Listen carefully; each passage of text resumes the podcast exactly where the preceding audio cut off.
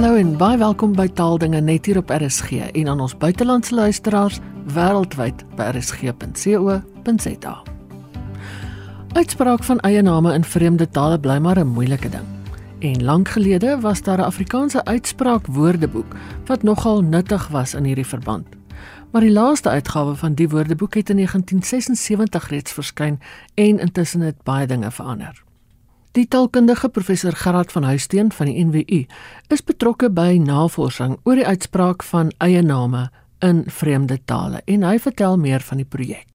So Ina, ons het agtergekom As jy nou so 'n bietjie net RSG luister en kyk hoe die mense kla, dan is daar elke dag 'n klagte oor iemand wat nou weer hierdie woord verkeerd uitgespreek het of daai woord verkeerd uitgespreek het. En toe die gedagte eintlik by ons opgekom, uh, dit was nog destyds uh, by die virtuele instituut vir Afrikaans, het ons met die idee vorendag gekom van is daar dalk 'n behoefte aan 'n uitspraakwoordeboek. Nou Ina, as jy die vraag vra, dan kom jy al gou by 'n antwoord uit wat sê daar's eintlik net twee hoofkategorieë mense wat 'n behoefte daaraan het. Die een is aanleerders van Afrikaans en die ander ene is omroepers, uitsaaiers, mense wat professioneel met Afrikaans met Afrikaanse uitspraak omgaan, nê. Nee, nie net woordeboeke nie, maar spesifiek hoe woorde uitgespreek moet word. Nou, as jy dan nou moet leerders werk, dan het jy al baie gou net, jy weet, hondtafel, lepel, boek en en so aan.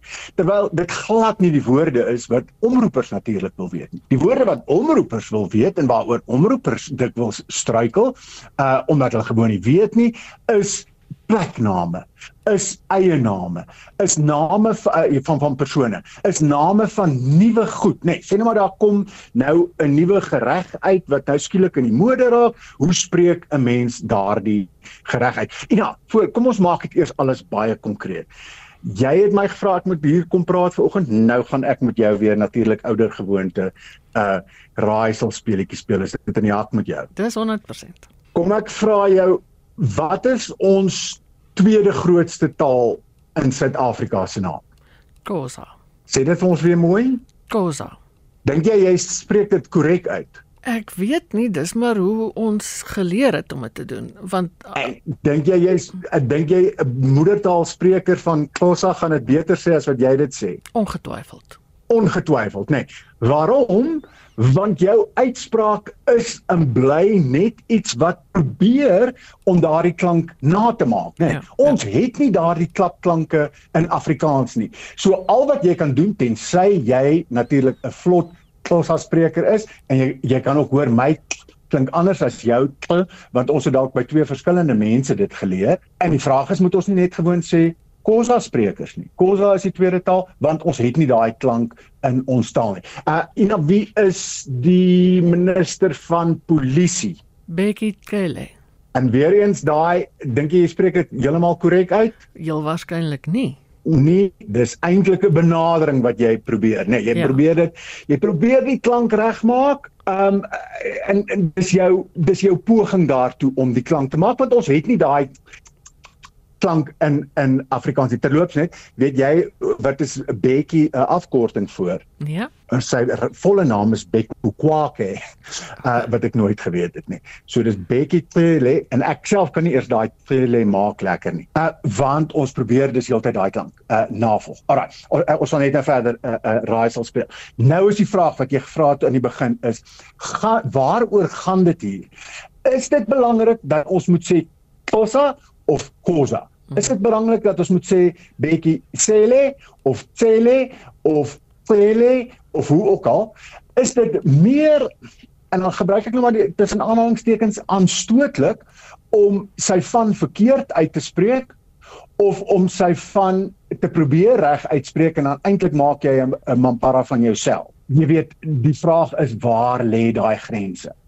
En Tot dusver was daar geen navorsing in Afrikaans waarvan ons weet wat probeer bepaal het wat is dit wat die luisterende volk wil hoor. Wil mense hoor dat jy liewer Khoza Khoza sê of dat jy liewer Khoza sê? Tot watter mate is dit aanstootlik vir Khoza sprekers as jy praat van Khoza in plaas van liewer 'n verdraaide Xhosa. Kom ek vra jou Ina, as iemand in Engels sê uh this is Ina Stridham, uh sit dit jou af? Nee, ek dink net dis dit klink laf. Dit sit my Sal nie jy af so 'n nie. persoon korrigeer? Um nie in 'n gewone gesprek nie, hoegenaamd nie, maar as hy my Nee. naam moet En sal jy dink so 'n persoon disrespekteer jou of is onrespek disrespekvol? Nee, want ek weet ook daar's klanke wat nie in Engels byvoorbeeld bestaan nie. Nee. En ek dink dis iets wat 'n baie moeilike dinamika het by ons in Suid-Afrika. Omdat ons sit met 'n geskiedenis waarvan die tale misken is in die verlede, nê. Nee, Mm. sit ons wel met 'n sensitiewe punt wat dalk nie vir ander tale geld nie. Argument tot tale. Wat is wat noem jy daai Spaanse gereg wat so met rys gemaak word en garnale en saffraan en so aan daai bekende Spaanse gereg? Iets soos paella. Paella. Nee. Ja. Is dit korrek uitgespreek? Ek het nie die Nee, hè? vaagste benul nie. want dit moet eintlik wees paella.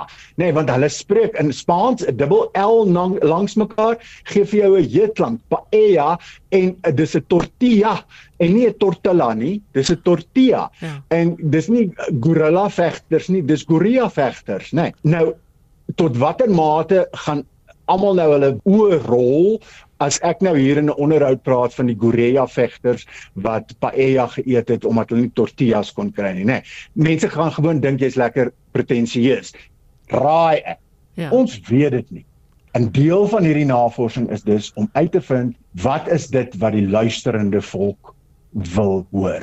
Ek, verstaan heeltemal dat uh, Afrika name spesifiek kan ook um ander betekenisse hê as 'n mens dit verkeerd uitspreek en daar's baie ruimte vir foute. Wa- Juis oor daai klapklanke en goed.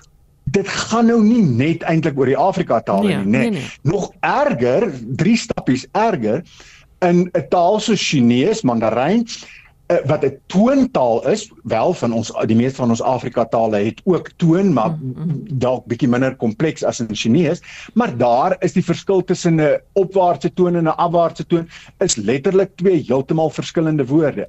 Ons as Afrikaanssprekendes, as moedertaalspreker, as jy nie in diepte onderrig gehad het in 'n Chinees nie, dan kan jy nie daai toon regkry nie.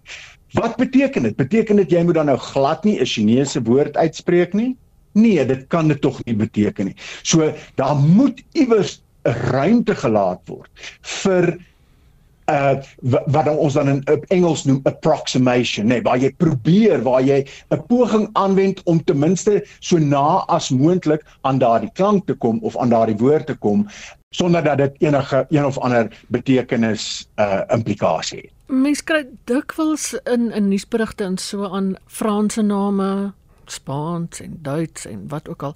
En as jy nou nie die taal ken nie, hoe benader 'n mens dit dan? Om nou nie soos 'n hele pampoen te klink nie. aan die een kant nie soos 'n pampoen te klink nie en aan die ander kant weer eens nie soos 'n pretensieuse snap te klink nie, nê. Mm. Ehm jy weet ek het groot geword in 'n omgewing en ek gaan nou nie name hier op die lig noem nie, maar hulle was vreeslike wynsnaps geweest. Nou jy weet al ek kom daar die diep noordwes uit van 'n plaas af en o, ons het maar gewoon, jy weet, Merlot en Pinotage gedrink en sulke tipe van goeder. En dan met sulke wynname byvoorbeeld, dan elke keer as iemand byvoorbeeld nie praat van Sauvignon Blanc nie, nê, nee, ek en jy ken Sauvignon Blanc, nou daar spreek ons hom al 'n bietjie Frans uit, nê, nee, want ons ons ons sê nie Sauvignon Ja. Blanc nie. Ja, ons ja. sê Sauvignon Blanc. So daar's al bietjie vir, maar ons sê blank. En terwyl dit moet natuurlik eintlik weer Sauvignon Blanc, né? Nee? Dis eintlik die korrekter uitspraak daarvan. Nou as ek sê kan ek asseblief 'n bottel Sauvignon Blanc kry, nee dan dink ek jy wens ek het een of ander iets om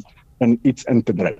Uh want dit is gewoon nie lekker om na so iets te luister nie. So daar of vir my in elk geval weer eens, ek wil nie sê wat die navorsing moet bewys nie, maar dis nie vir my lekker om na iemand te luister wat vreemde taal woorde met soveel pretensie probeer uitspreek nie. En die vraag is dus waar lê die middelgrond daar? Jy jy noem nou 'n verskeidenheid van tale, dit was nogal een van die belangrike dele van hierdie ondersoek is om te besluit watter tale gaan ons insluit En dit help nie net dit help aan nie ons vra Engelse name nie want uh, die meeste Afrikaanssprekendes indien nie alle Afrikaanssprekendes is gewoon twee tale. Hmm. Ehm um, so ons moes kies tussen drie tale wat uit heeltemal drie verskillende families uitkom en so aan uh, wat verskillende eienskappe het en so aan om om drie tale met mekaar te gaan vergelyk naas Afrikaans. En ons het uiteindelik besluit toe op Xhosa en op Spaans en op uh, Chinees juis omdat Chinees daardie toon uh, gedeeltes in het wat ons vermoed mense nie so maklik hoor soos ander goeters nie maar ek wil nie die die die navorsing vooruitloop Baie dikwels hoor 'n mens sê nou maar komponiste se name word verkeerd uitgespreek. Mens moet tog as mens uitsaai byvoorbeeld daai goed kan reg sê want anders klink dit asof jy nie weet nie. Is daar 'n manier want jy weet nou nog nie wat die resultaat van die studie gaan wees nie. Is daar 'n manier hoe mense dit kan ehm um, vasstel byvoorbeeld op 'n op 'n op 'n gewone manier? Empiriese manier. In 'n kort van om 'n klomp mense opnames daarvan te laat maak en dan te luister wat in die meerderheid van gevalle gebeur, wat natuurlik 'n onmoontlike taak is, nê. Nee, jy kan nie vir elke komponis uh, wat ooit bestaan het of elke minister of elke president of elke plek waar daar 'n aardbewing gaan uitbars of 'n uh, vulkaan gaan uit 'n uh, vulkaan gaan uitbars nie. Kom ons hou dit by uh, by vulkane.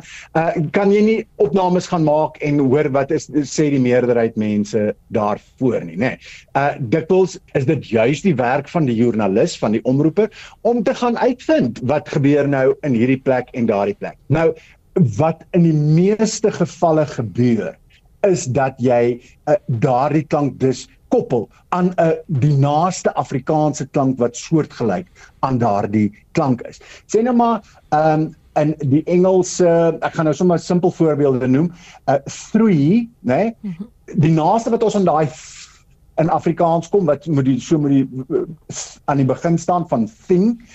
Three is 'n So dan word dit by in Afrikaans fing en free, né? Nee. Ja. Ehm uh, dit klink nou heeltemal belaglik, maar ek probeer die beginsel illustreer waar daardie foneem, die en die w nie in Afrikaans voorkom nie, maak ons daarvan 'n f want die f kom wel in Afrikaans voor. So dit is wat mense die meeste geval, né, nee, sê nou maar iets argumente wat daar die iets soos die van Xhosa kom nie in Afrikaans voor nie. So wat gaan mense dan probeer doen? Hulle gaan daarvan kosa maak. Die van die naaste klank aan daai is 'n k klank en dan maak hulle daarvan kosa. Uh so dit is maar wat ons ook sien internasionaal gebeur ook in ander tale in in Nederlands in in Duits en Engels en so aan uh is dit maar die vraag. Die interessante vraag wat by ons bykom En weer eens Ina, ek wil nou nie resultate hiervoor uitloop nie, maar ek wil net nou nog vir jou vra, jy in uh die ander mense moet asseblief die vraelys gaan voltooi. Um ek wil nou nie die die die die die navorsing beïnvloed nie, maar ons sit natuurlik met tweetalige mense wat Afrikaans praat en wat na RSG en ander radiostasies luister. Uh, die meeste van ons is tweetalig. So wil jy nou hoor, jy weet, is dit Barcelona of Barcelona. Uh as jy dan nou nie die Spaanse Barcelona wil sê nie, nê. Nee. Is dit dan nou meer die Engelse Barcelona of is dit meer die Afrikaanse Barcelona? En dit gaan interessant wees vir ons om te sien of mense 'n uh, Engelse uitspraak verkies bo 'n brontaal uitspraak of 'n Afrikaanse uitspraak bo 'n Engelse uitspraak verkies. Uh ons sien vreeslik uit daarna om te sien wat mense uiteindelik regtig in praktyk verkies. Mm -hmm. Waaroor ons baie klagtes kry is klem. Um onderrig mm. uh onderrig of onderwys en onderwys en die soort van dinge. Ja. ja. Is dit ja. deel van ja. die studie en hoe sou dit inpas?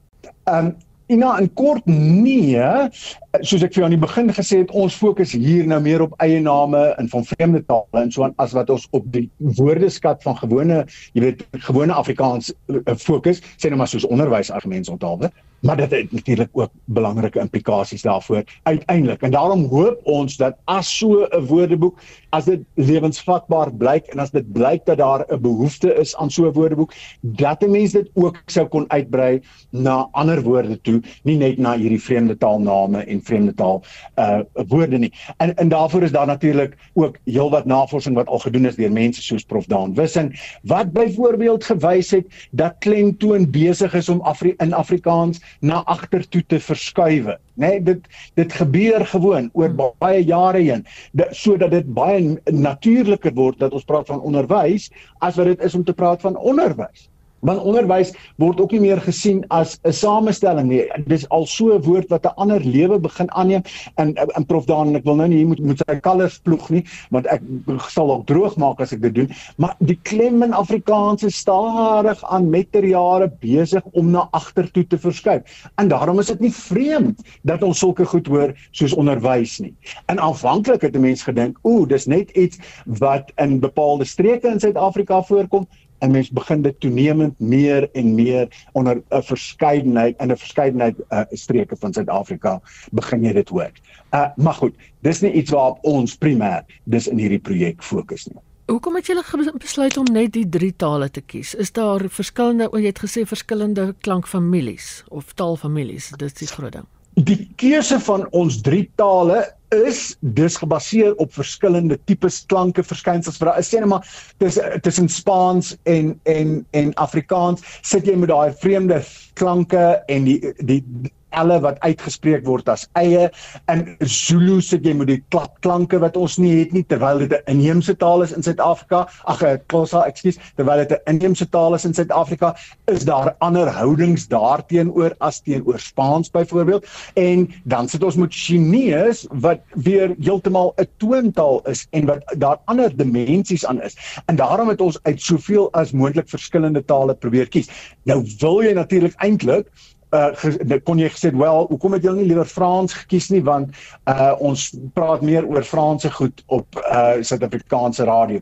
Of jy weet wat van Tsjechies of wat van uh uh Chivenda of of so iets. Mm uiteindelik moes ons drie tale kies binne die bestek van die studie. Want vir in vraelyste wil jy natuurlik aan mense verskillende uitsprake voorhou en met mekaar kan vergelyk. En dis gewoon vir daai wetenskaplike proses was dit vir ons nodig om die studie te beperk sodat ons resultate kan kry waaruit ons dan nou weer natuurlik veralgemenings uh, kan maak kan ekstrapoleer. Wanneer dink julle om ehm um, resultate te hê want dit sal 'n baie interessante gesprek wees as ons dit weet. So ehm um, die PhD student wat hierop werk is Marlies Leiden en uh as alles goed loop uh Ina dan gee sy in November vanjaar in. So ons behoort dan al hier van September af of so behoort ons te weet wat die finale uitslaa is. Die vraelys waar wat gerig is aan die publiek daar was 'n hele vooraf gedeelte wat net gefokus het op omroepers. So sy het baie onderhoude gedoen met omroepers en hulle laat vraelyste invul en hulle laat opnames maak waarna sy dan geluister het en getranskribeer het en so aan. Maar nou is ons in die fase wat ons sê, okay, ons wil hoor wat Jan en San publiek te sê het oor hierdie saak. En die vraelys gaan nog vir so 2 weke of so oop wees. So ons hoop dat soveel as moontlik mense uh, in hierdie tydperk vir ons sal gaan help en die vraelys gaan voltooi en, en vir hulle stemme laat dik maak om te sê dis wat ek graag oor die radio wil hoor. Hm.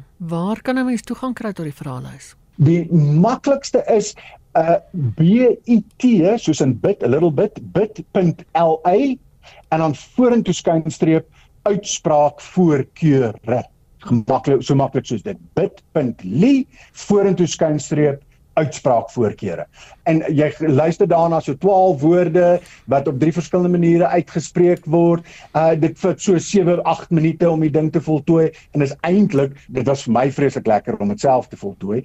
Uh en my goed is natuurlik verwyder want anders trek ons die resultate skeef. Maar is eintlik lekker om vir jouself te gaan luister. Kom ek agter of hier 'n verskil is ja of nee?